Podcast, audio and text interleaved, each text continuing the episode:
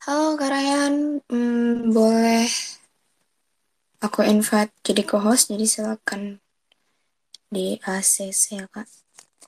Udah buat teman-teman yang baru datang, kalau misalnya nanti mau tanya, boleh langsung aja uh, request to speak aja. Halo Kak Ryan. Halo, halo, kedengeran suaraku? Aman Kak. Uh, Oke. Okay. Kak Ryan udah ini? Udah di rumah. Oh. Tumben uh, bisa pulang cepat ya kak? Iya, begitu. Oke, oke. Kita mau tunggu uh, berapa menit lagi sebelum mulai? Um, kayaknya uh, langsung mulai aja aku um, intro dulu kali ya sama Oke, audio. aku um, ambil minum bentar ya, kamu intro aja. Boleh, dulu. boleh. Oke, sip. Ya, silakan kalian. Oke okay, guys, uh, halo, selamat malam. Welcome to our Twitter Space. Uh, hari ini kita akan bahas tentang saat yang tepat untuk resign dan switching karir bareng Kak Rian Duana. Jadi kenapa sih kok uh, ngebahas tentang switching karir dan juga saat riset yang saat resign yang tepat? Karena sebentar lagi guys akan tiba masa puasa. Dan setelah masa puasa kita akan merayakan of course hari raya keagama, keagamaan yaitu lebaran. Dan menariknya nih ya uh, terdapat fenomena uh, bahwa kalau uh, habis lebaran ini banyak uh, orang yang resign begitu setelah mendapat THR.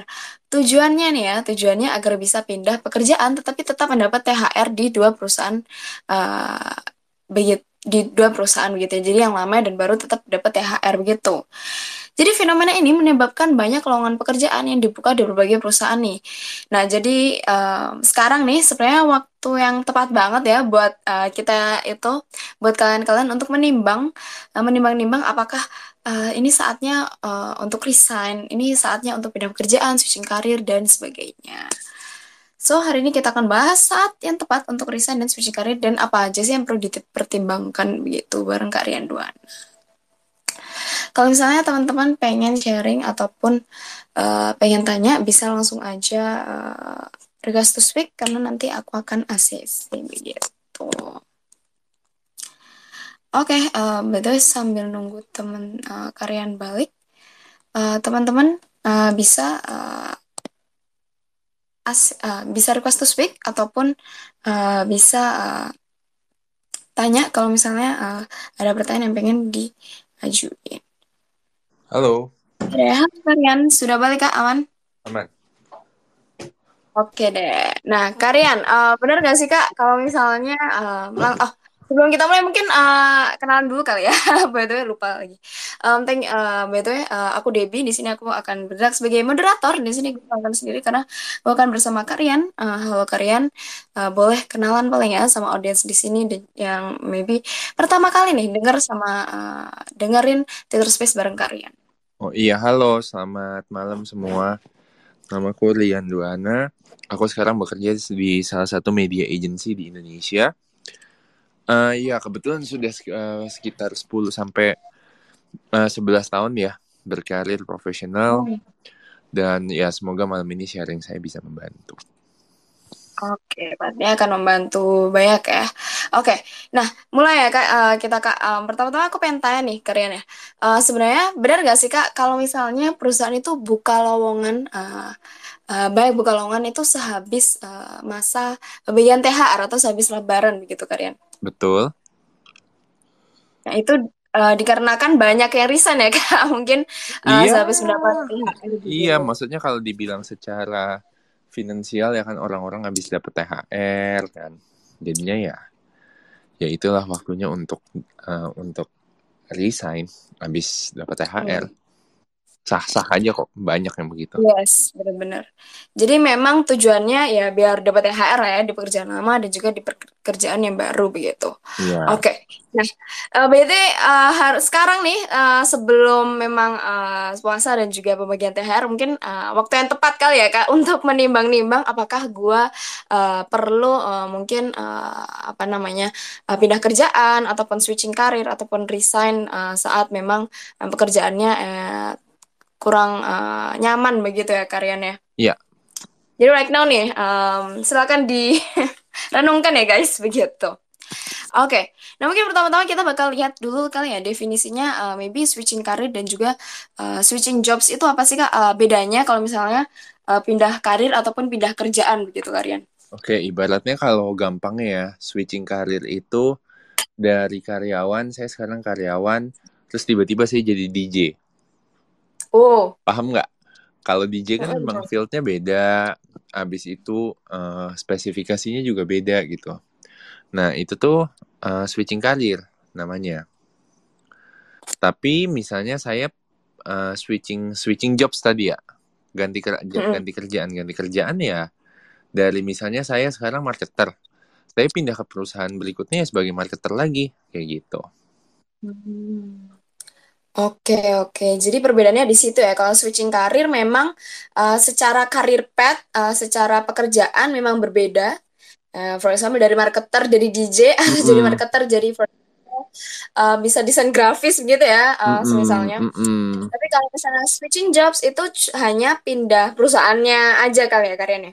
Iya betul. Tetap sebagai uh, marketer, tapi hanya uh, ganti perusahaan atau pindah uh, uh, tempat kerja begitu. Yes. Oke. Okay, okay. Nah, kalau uh, tentang uh, switching job dulu nih kak, uh, kata orang-orang ya waktu ideal untuk uh, pindah kerja begitu ya uh, switching job itu setelah tiga tahun gitu. Uh, menurut kalian kenapa uh, kebanyakan mikir seperti itu? Dan juga apakah uh, biar nggak dianggap kutu loncat begitu kalian? Pasti karena kalau tiga tahun ya menurut saya sih itu adalah waktunya. Uh, biasanya ya kalau sepengalaman saya sih tiga bulan pertama itu kan masa adaptasi kamu. Misalnya nih ya saya pindah kerja habis lebaran gitu ya.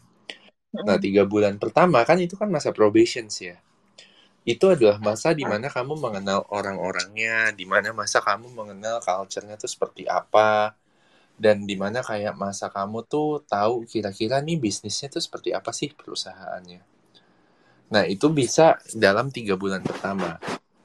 Nah, setelah lulus probation gitu kan, kan baru tuh ya kita kelihatan tuh yang kayak, oh iya, culture-nya tuh kita bisa apa ya bisa kita rubah, kita bisa kontribusi apa segala macam. Mm. Itu biasanya dalam 6 sampai 9 bulan.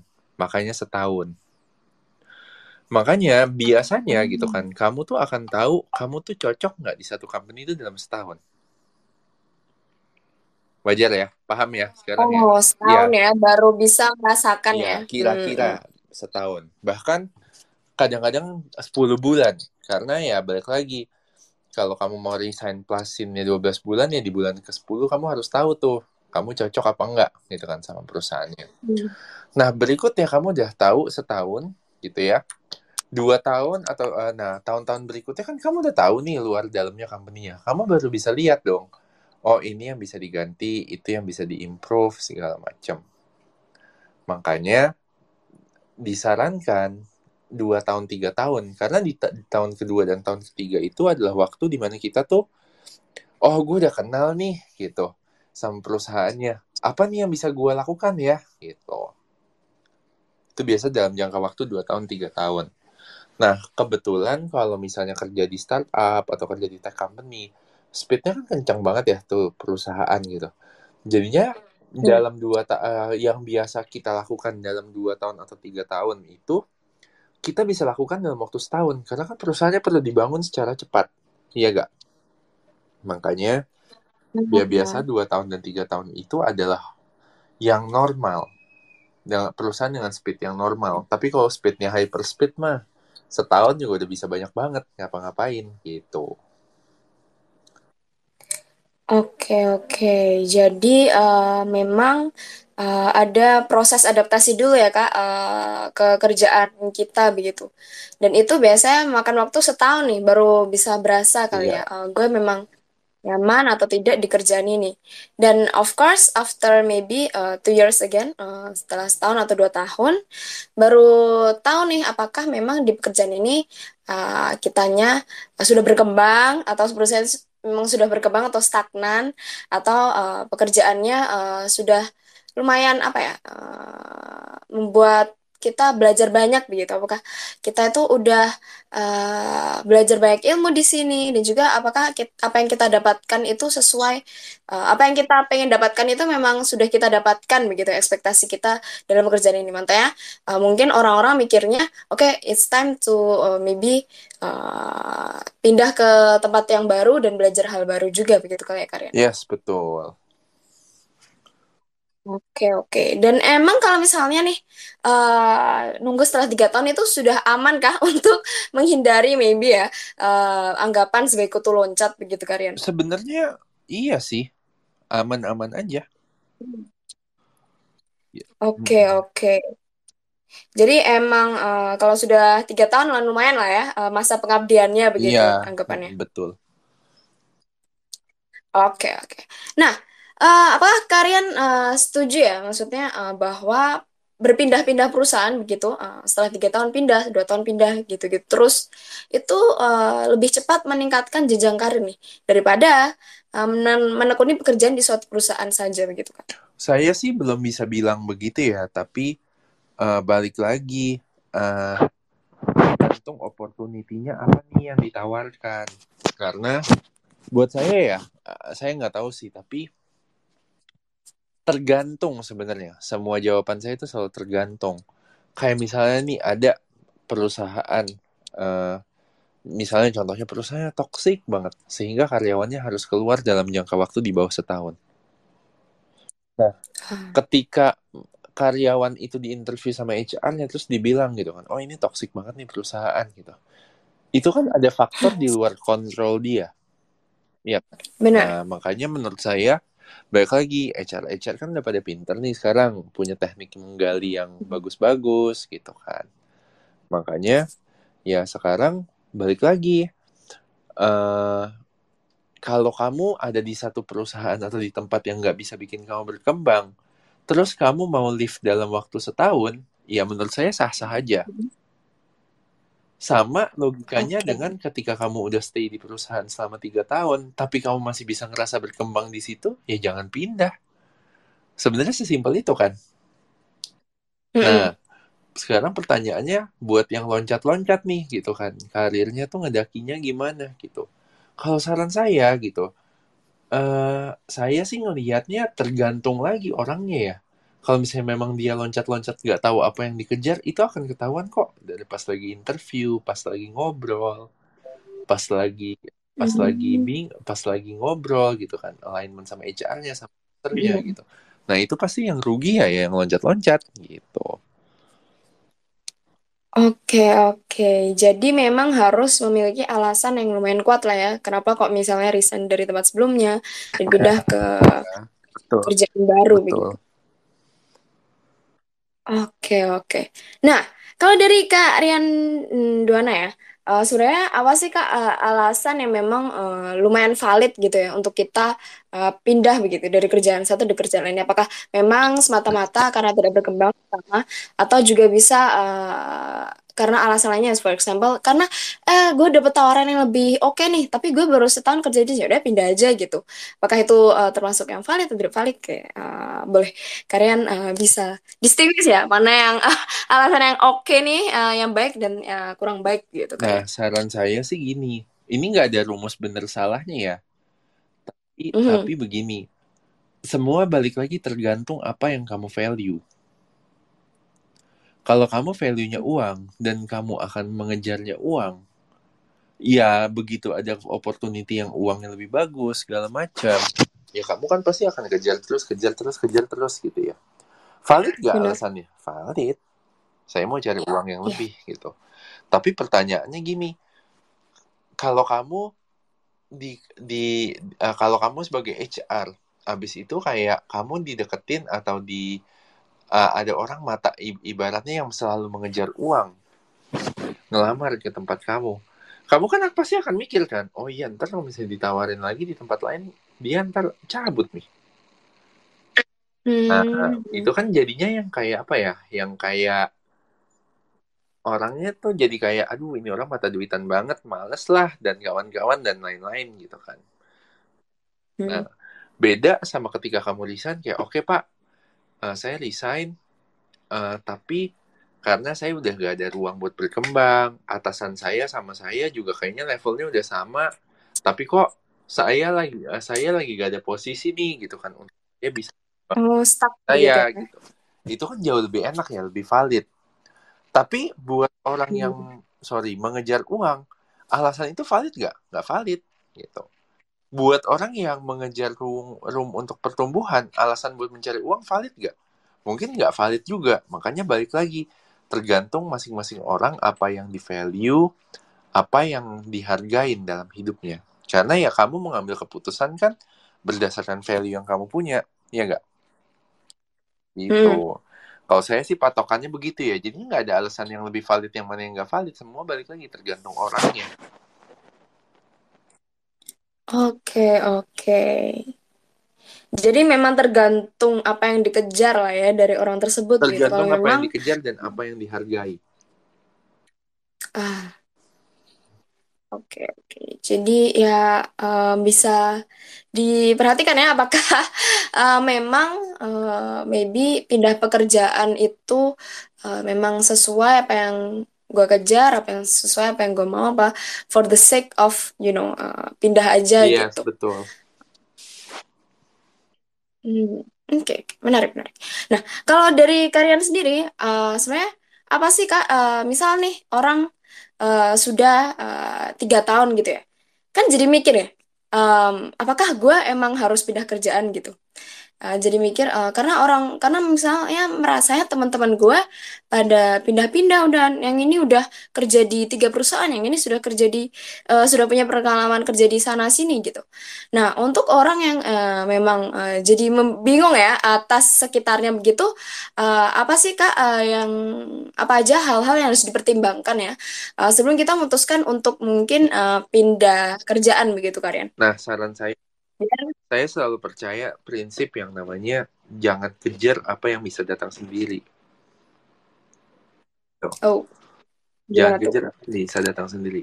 Gaji jabatan pengaruh itu kan semuanya otomatis ya.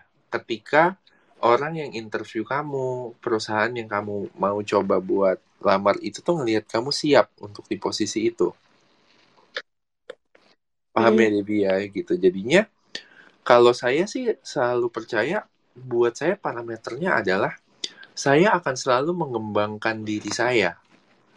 Saya mau punya kapasitas yang lebih besar lagi saya mau punya tanggung jawab yang lebih besar lagi. Dengan kapasitas dan tanggung jawab yang lebih besar uang dan jabatan akan ngikutin. Nah mungkin itu adalah parameter yang harusnya kita coba pikirkan ya ketika kita mau untuk melamar pekerjaan ketika kamu udah stuck eh, bukan stuck ya ketika kamu udah tiga tahun di sebuah perusahaan terus pengen nyari kerja pertanyaannya yang selalu akan saya tanya ke diri saya sendiri adalah perusahaan ini bisa memberikan saya ruang untuk bertumbuh nggak? Perusahaan ini bisa membantu saya untuk bertumbuh lagi nggak? Karena kalau masih bisa ya kenapa harus pindah gitu. Wah, oke oke. Jadi masih eh, reflect dulu kali ya, apakah memang eh, di perusahaan ini gue tetap stagnan aja? Apa kalau misalnya stagnan ya, of course gue harus pindah ya. Tapi kalau misalnya di perusahaan ini memang eh, gue masih bisa explore, gue masih bisa belajar banyak hal, eh, ya nggak ada salahnya pun kalau misalnya nggak pindah iya tuh Hmm. Menarik, menarik. Dan mungkin orang-orang mikirnya FOMO kali ya, karena ngelihat teman-temannya sudah banyak, you know, pindah sana, pindah sini, begitu. Dan uh, jadinya dia, uh, jadinya orang, uh, orang-orang jadi merasa there's something wrong gitu atas decisionnya untuk stay selama tiga tahun begitu. Mm-mm. Nah, kalau dari kalian, tapi kan ada ya kak um, orang yang bisa uh, merasa dirinya itu um, tetap eh, ada di zona nyaman, tapi dia nggak merasa nih kalau dirinya itu udah nggak ada tempat nih untuk eh, berkembang begitu. Maksudnya adalah sudah nyaman nih di zona nyaman Mm-mm. gitu. Kayaknya ah gue di sini udah oke oke aja kerjaan udah otomatis gue udah hafal luar dalam eh, kerjaan oke gajinya ya masih di sini sini aja ya nggak apa-apa lah ya gitu nah itu em, gimana tuh kalian apa eh, how to realize gitu kalau misalnya kita itu em, sudah waktunya keluar nih dari zona nyaman sudah waktunya explore hal baru nih kalian Hmm, balik lagi ya. Ini semua kan di- dilihat ya dari value-nya orang-orang itu. Kalau saya misalnya nih ya, misalnya nih, ini contohnya misalnya, saya kerja 9 to 5 setiap hari.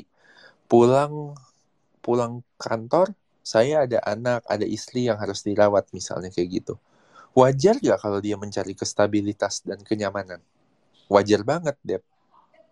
hmm, Ya kan ya, wajar kan? Bukan bukan kayak yang bukan kayak sesuatu yang salah atau dosa banget gitu. benar Makanya balik lagi gitu kan. Kamu ada di zona nyaman tuh nggak masalah gitu. Di zona nyaman itu adalah pilihan. Paham ya Debbie ya gitu kan. Jadinya nggak salah loh buat yes ada di zona nyaman. Karena di zona nyaman itu adalah tempat di mana kita bisa beroperasi gitu kan. Untuk kita bisa eh, yang tadi saya bilang gitu. Gue udah nyaman kerja 9 sampai 5, ya sekarang orang gue pengennya main sama istri sama anak gue, gaji ya udahlah segitu-segitu aja. Gak masalah kok, karir gak apa-apa lah mentok. Yang penting gue bisa punya waktu lebih sama ibu dan an- ah, sama istri sama anak gue, gak masalah. Gitu. Hmm. Makanya buat saya gitu kan. Tapi kalau misalnya ada yang kayak aduh gue gak bisa nih kerja 9 sampai 5. Gue kok ngerasanya gatal ya pantat gue kalau di kantor duduk aja gitu kan gak ngapa-ngapain gitu. Ada juga gitu. Makanya saya parameternya adalah setiap season hidup pasti selalu berbeda, Debbie. Setiap stage hidup itu tuh pasti eh, beda ininya ya apa ya? Beda prioritas, beda apa yang kita value. Dulu mungkin waktu saya masih seumur kamu ya, wah saya nggak apa-apa tuh kerja dari jam 9 pagi, kalau bisa sampai jam 10 malam, nggak apa-apa. Gitu. Tapi Hmm. semakin de- eh, kita senior, semakin dewasa gitu, saya le- lebih memvalue waktu istirahat. Gitu. ah Nah, jadinya ketika saya ada di zona nyaman saya, gitu kan, misalnya saya kerja nih gitu, terus saya udah ada di zona nyaman gitu. Oh iya, ya ya udahlah, kerjaan ini yang penting gue waktu istirahatnya banyak, gue bisa baca, gue bisa ngapain, gue bisa Twitter Space kayak gini gitu. Makanya benar-benar satu gitu. Tapi kalau saya nggak nggak nggak tahan juga, nggak apa-apa juga. Sa- eh, paham ya teman-teman sama Debbie semua di sini gitu. Ini jelasinnya mesti agak yes panjang biar biar nggak salah kaprah nih gitu. Makanya satu saran saya kalau kamu ada di zona nyaman, satu pastiin value kamu atau prioritas kamu dulu. Apakah kamu berada di zona nyaman sesuai nggak sama prioritas kamu? Sesuai nggak sama value kamu? Karena kalau sesuai ya nggak apa-apa. Itu yang pertama. Kalau nggak sesuai, baru kita cari. Terus tips saya yang kedua, kalau misalnya kamu ada di zona nyaman dan butuh buat keluar gitu kan. Coba deh balikkan lagi pikir. Kamu tuh lima tahun lagi dari sekarang, kamu tuh mau ke mana? Kamu tuh mau ngapain? Kamu tuh ada yang pengen dikejar gak? Dan apakah gitu kan ya, kamu gitu kan ya, dengan misalnya stay di zona nyaman atau keluar dari zona nyaman, itu tuh bisa membantu untuk mencapai tujuan itu gak? Karena kalau membantu Hmm. ya ya udah. Pilihlah pilihan yang membantu kita untuk lebih dekat kepada tujuan kita di lima tahun mendatang. Gitu. Jadinya ini yang bisa jadi checklist kita ya buat stay di zona nyaman atau keluar dari zona nyaman nih gitu. Sama yang ketiga gitu kan. Saran saya adalah jalanin. Karena kebanyakan orang tuh kadang-kadang nggak mau dijalanin deh gitu. Nggak mau membuat pilihan. Padahal ya ketika kamu membuat pilihan kadang-kadang jalan-jalan itu yang ditunjukin ke kamu gitu sih. So seberapa seberapa susah kamu memilih apakah memilih untuk stay apakah atau memilih untuk cabut jalanin. Gitu. Oke. Itu menurut saya ya menurut hematnya saya. Uh, uh, uh, uh, uh. Jadi emang harus direnungkan lagi kali ya, apakah memang ini yang uh, kamu inginkan gitu. Berada di zona nyaman emang hal yang uh, sekarang ini dibutuhin. Mungkin aja dia memang uh, selama ini uh, merasa udah cari-cari kerjaan, udah pindah kerjaan sana sini, dan sekarang nemu hal yang ngebuat uh, yang udah cocok banget nih sama dirinya. Ini udah passion gua, ini udah uh, waktunya, waktu kerjanya pas, gue bisa masih mainin hobi gua, masih bisa uh, ngelihat keluarga, ngasih waktu untuk keluarga juga, ya itu mah nggak apa-apa gitu. Iya, Uh, there's nothing uh, with mm, being comfortable ya. iya, loh. Uh, not always on the move lah paling nggak ada fasenya di mana kita not always on the move juga Yes, gitu. true. Hmm, oke oke. Nah, tetapi em, walaupun begitu sebenarnya eh, waktu ada di zona nyaman kita eh, nggak selalu stuck sih ya kalian ya, karena eh, saat kita nyaman kita jadi terbuka nih. Oh, gue bisa explore maybe skill-skill yang pengen gue explore. Yes, true. For example. Atau gue bisa ngejalanin hobi gue yang selama ini gue hold gitu ya. Maybe uh, bisa jadi keran pemasukan lain juga Iya, begitu true, ya. true. Uh, syukurlah kalau misalnya um, itu bisa bisa sharing juga di sosmed kayak kalian ya. Iya, true. Um, jalani passion-passion lain yang memang uh, masih on hold dulunya karena dulunya benar-benar hustle banget begitu. True. Dan bahkan mungkin gini ya, coba deh kita bedain antara tempat kerja nyaman gitu kan ya, atau udah nyaman kerja di tempat situ gitu kan, sama mencari pengalaman baru. Gitu. Hmm. Saya lebih suka pakai bahasa begitu ya. Mungkin kalau pakai zona nyaman atau apa gitu kayaknya agak abstrak ya gak sih? Tapi kamu udah Yes, yes. nyaman di tempat kerja sekarang, kerjanya enak, gajinya enak 9 sampai 5 gitu ya misalnya, nggak usah lembur-lembur. Tapi ya pasti tempat kerja kan setiap tempat kerja kan nggak ada yang sempurna kan. Adanya tempat kerja yang sehat nah. Yang mana yang bisa kamu tolerir itu yang harus kita cari. Oke, benar-benar benar. Uh, Oke, nah lanjut nih. Tadi kan kalian ngomong tentang lima tahun lagi ya, memikirkan oh nanti gue lima tahun lagi uh, tujuannya akan ke mana. Nah, uh, ini ada hal yang menarik nih kak. Apakah memang uh, karir itu perlu di planning sebegitunya? Kalau untuk kalian, uh, apakah memang begitu kak? Apakah harus di planning? Kayak gue nanti uh, sini ke sini, uh, maksudnya nanti gue harus di usia berapa mencapai uh, digit berapa uh, atau uh, apa nih yang bisa di planning gitu kak dari? Oke. Okay. Kalau memang harus di planning begitu. Karir tuh harus di planning memang. Karena gini misalnya nih ya Oke. contohnya. Kamu misalnya mulai masuk jadi uh, eksekutif lah biasanya. Nah, kamu harus planning dong. Oh oke okay, tiga tahun lagi saya mau jadi manajer misalnya. Atau lima tahun lagi saya mau jadi uh, division head. Enam tahun lagi saya mau jadi supervisor dan lain sebagainya gitu ya. Ya kamu harus planning. Masalahnya menurut saya adalah bukan di planningnya biasanya. Tapi di marginnya. Margin itu kan ibaratnya kayak kita kasih ruang sisa kalau planning kita tuh nggak berjalan dengan lancar. Iya kan? Jadinya misalnya kayak udah tahun kedua, tapi karir gue stuck nih, gitu. Gue kayaknya jadi manajer biasanya di tahun keempat deh. Nah, tadinya ada kamu punya punya apa punya uh, planning jadi manajer tiga tahun, jadinya empat tahun. Nah, selama itu ada di batas margin kamu nggak apa-apa, menurut saya. Gitu. Masalahnya nih sekarang gitu ya. Uh, tadi pertanyaan kamu apa sorry? Boleh tolong diulang? Ya, apakah memang karir itu perlu okay. planning? Kalau misalnya planning itu kayak gimana sih ya. gitu ke plannya? Nah, biasanya gitu. orang itu tuh nggak fleksibel ketika planning. Jadinya kayak hmm. ya udah kalau misalnya gue di planning nih, misalnya kayak kayak apa kayak oh ya gue mau berkarir di FMCG misalnya. Nah di tahun ketiga gitu kan ada yang nawarin dari banking, opportunity-nya jadi lebih bagus. Nah kadang-kadang gitu kan ya kita tuh terlalu fix sama planningnya sama timingnya. Tapi kita nggak ngelihat opportunity yang datang tuh kayak gimana. Oh. Paham ya? Jadinya hmm. jadinya kadang-kadang itu yang bikin karir tuh kaku. Itu tuh yang bikin karir tuh kayak stuck. Contohnya saya. Saya kerja misalnya contohnya enam setengah tahun di creative agency.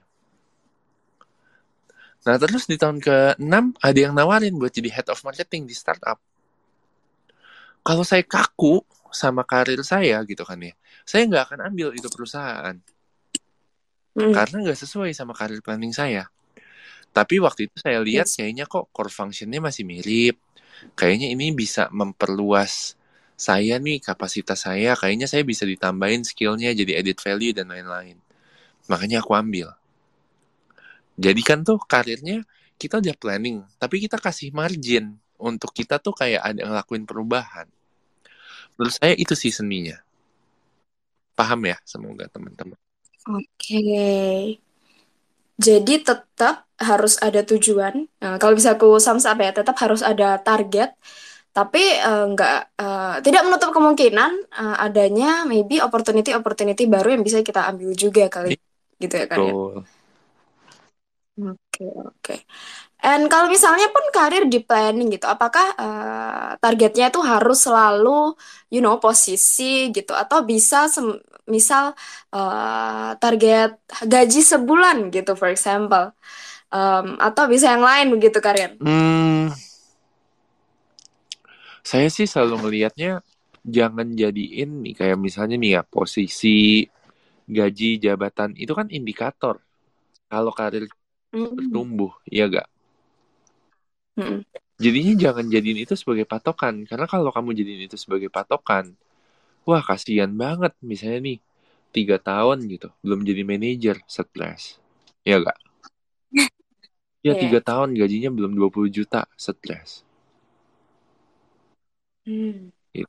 Bener-bener. makanya saya saya sih belajar untuk tidak menjadikan itu tuh sebagai patokan yang saya jadikan patokan selalu adalah sekarang misalnya kayak oh tiga tahun lagi nih gitu kan. At least gue pengen punya pengalaman ini gue pengen udah punya uh, pernah manage orang seperti ini ini karya-karya yang gue hasilkan kayak gitu.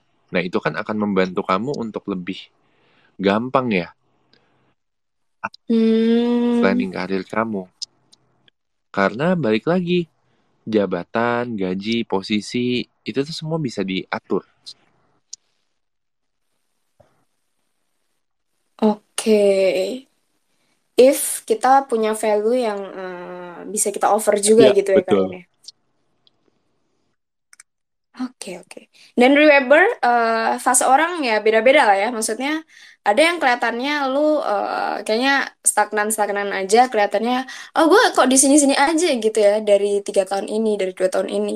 Tapi mungkin kamunya udah belajar banyak gitu. iya betul Jadi eh, nggak bisa dibandingin lah ya dengan apa yang terjadi di luar sana. Oh teman gue udah buka bisnis lah atau teman gue sudah jadi manajer, teman gue sudah gini. Karena mungkin fasenya beda-beda gitu. iya betul. Eh, tumbuhnya orang pun eh, berbeda-beda. Apa yang kalian pelajari, apa yang kita eh, lewatin itu beda. Iya. Oke, nah, em, oke, nah ini tentang switching jobs ya, tentang pindah pekerjaan ataupun planning eh, karir. Nah, sekarang about switching karir nih Kak. Eh, menurut kalian nih, apa sih alasan orang-orang itu bisa eh, pindah karir gitu? Apakah eh, karena memang nggak passionate aja nih dengan eh, kerjaannya? Oh, gue kuliahnya marketing, kerja di marketing, eh tapi ternyata nggak sesuai ekspektasi gue. Gue mau pindah lah, eh, eh, mau nge ngekejar eh, passion baru, eh, karir baru begitu. Padahal eh, sudah memiliki karir dan juga pekerjaan nih eh, di karir sebelumnya begitu. Kalian kenapa bisa orang eh, pindah atau switching karir di tengah-tengah dia sudah eh, meniti karir Ya begitu? mungkin ada opportunity yang lebih bagus kali atau ada masalah yang kayak misalnya nih contohnya dia harus dia kerja terus kena stroke.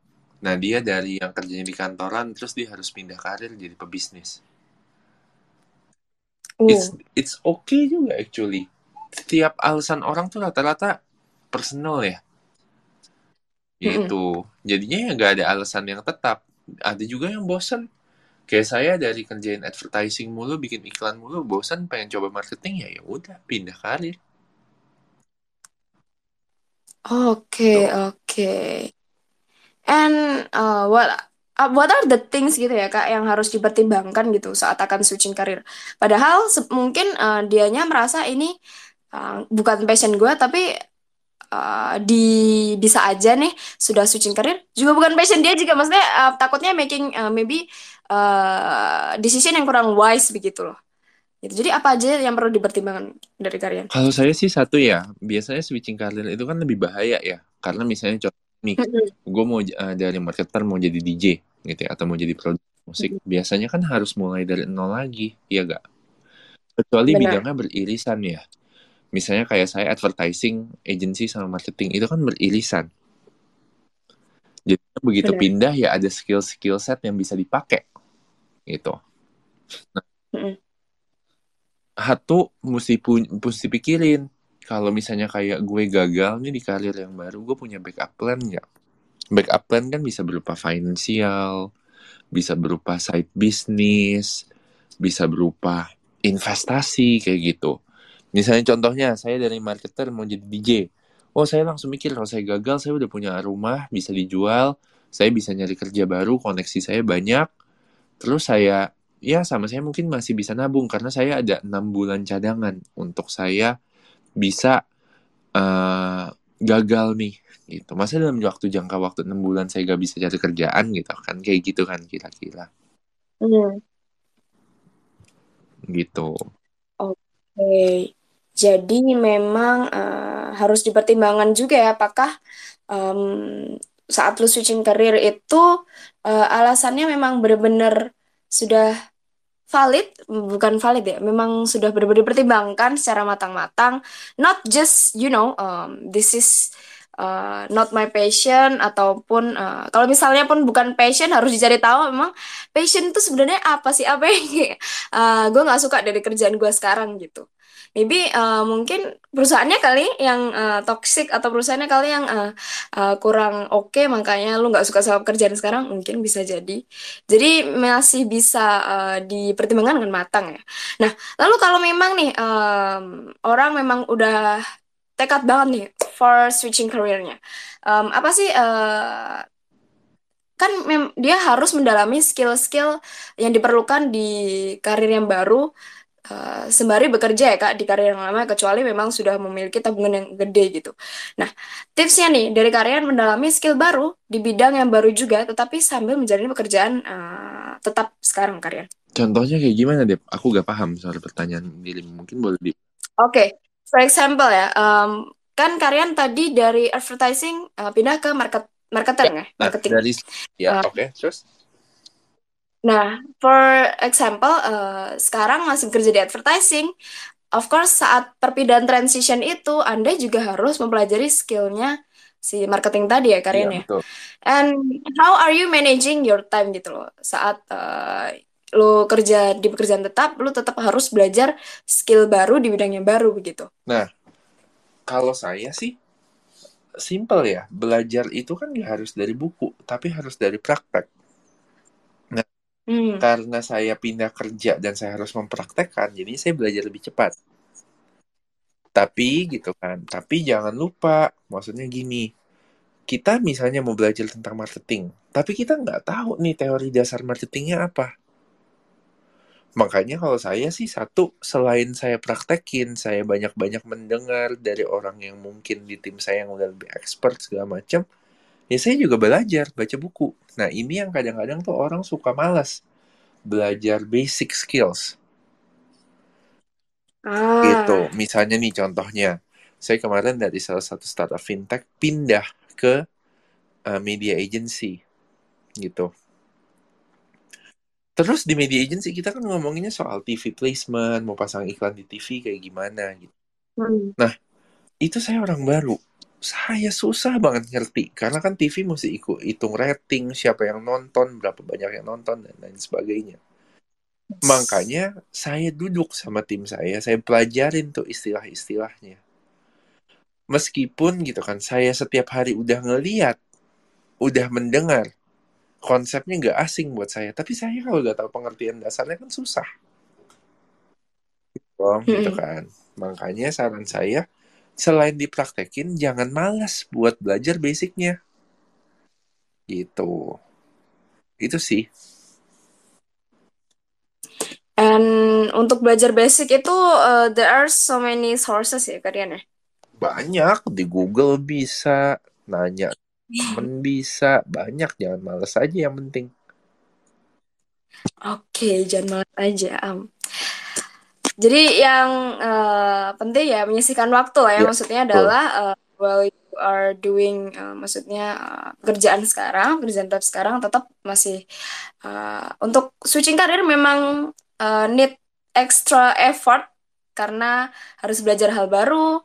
Jadi mau nggak mau pastinya uh, nyisihin waktu. Uh, sama juga kayak meniti meniti karir yang baru kali. For example, while you working sekarang, uh, pengen jadi content creator, maybe uh, like Rian, for example ya, tetap harus uh, nyisihin waktu untuk you know riset konten, upload konten, nulis, uh, belajar content writing, bener nggak sih kalian? apa yang kalian lakukan sekarang gitu. Makanya bisa uh, sekarang pun uh, have an established audience itu karena effort yang memang uh, nggak uh, nggak dikit gitu iya, ya. betul. Mm -mm. Oke.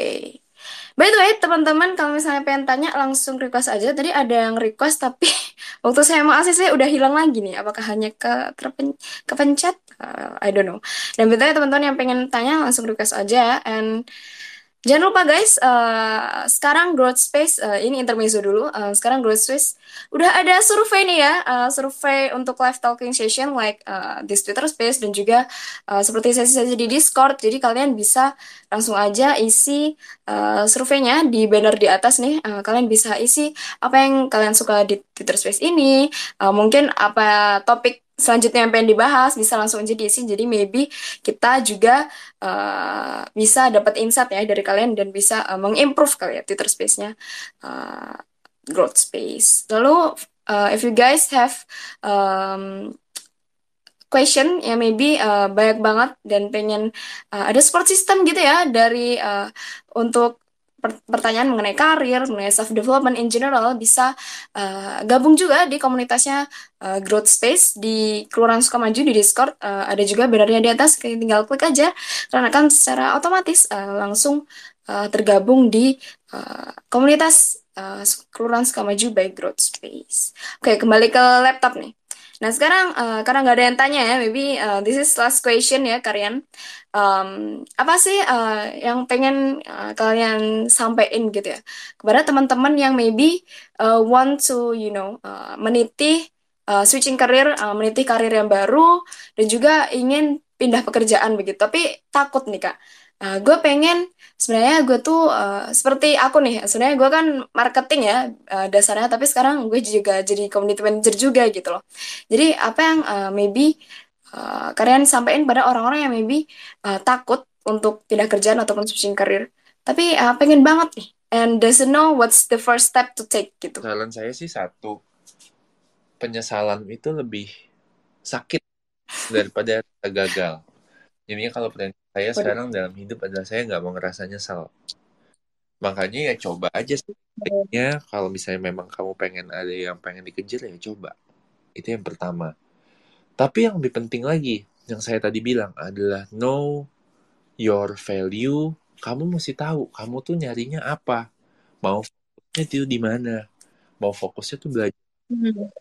Dan jangan sampai salah fokus. Jangan fokusnya ke gaji, jangan fokusnya ke jabatan, jangan fokusnya ke jumlah anak buah yang di manage dan lain sebagainya.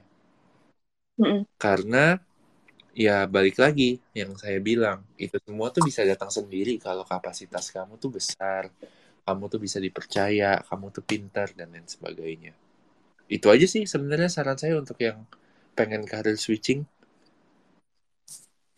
Oke, wih keren-keren. Um, tadi yang first message-nya sangat-sangat mengena ya, karena um, ngerasain juga sih maksudnya aku uh, as a you know bahkan belum fresh graduate tapi akan fresh graduate itu hati-hati banget dalam uh, maybe uh, belajar ataupun uh, choosing career gitu. Jadi gue uh, ambil aja apa yang disodorin, tapi nggak berani nih untuk belajar atau meniti hal yang baru karena uh, very afraid lah, very afraid and kurang banyak ya effort yang gue kasih. Jadi emang bener banget kalau misalnya uh, teman-teman emang pengen uh, explore hal baru, pengen uh, pindah dari kerjaan sekarang atau pengen bahkan switching karir dari uh, karir yang dimiliki, um, don't be afraid. Uh, bisa pertama-tama bisa explore dulu, maksudnya bisa explore dulu ada belajar dulu dari hal-hal yang dasar begitu. Apakah memang ini hal yang pengen gue inginkan gitu? And of course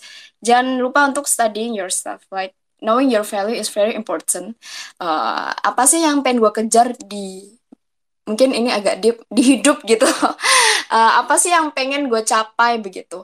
Apakah memang gue udah nyaman dengan kerjaan sekarang? Tapi apa yang bisa uh, maybe gue improve gitu uh, in my spare time begitu apa yang bisa gue uh, apa yang ngebuat gue happy begitu? Jangan sampai mungkin salah langkah nggak apa-apa tapi jangan sampai takut melangkah. Wih Oke, okay. thank you so much kalian and thank you uh, juga teman-teman sekarang yang udah uh, yang tadi dengerin dari awal sampai akhir. Again, thank you so much kalian udah uh, bagi banyak insightnya ya um, ke teman-teman di sini. Uh, sudah sering banget nih kalian uh, bagi banyak banget uh, pelajaran-pelajaran di Twitter Space-nya Wah, udah ada mixer ya kalian sekarang. Aku baru tahu nih. Ada backsoundnya sekarang, oke. Okay. And anyway guys, jangan lupa uh, tetap uh, join di Twitter Space-nya Growth Space. Kita besok Kamis juga ada Twitter Space ngebahas tentang konten dan juga storytelling. Jangan lupa join. Uh, dan juga uh, selalu uh, pantengin eh, konten-konten dari Growth Space. Dan juga jangan lupa uh, pantengin juga konten-konten dari kalian buat teman-teman yang memang pengen uh, belajar tentang karir, leadership, self development, or life in general. Baik banget pesan-pesan yang kalian kasih ya di uh, platform sosmednya. Jadi uh, jangan lupa untuk follow juga kalian Duana and thank you guys for today. Thank you banget kalian again. And see you on our next Twitter Space. Bye bye bye bye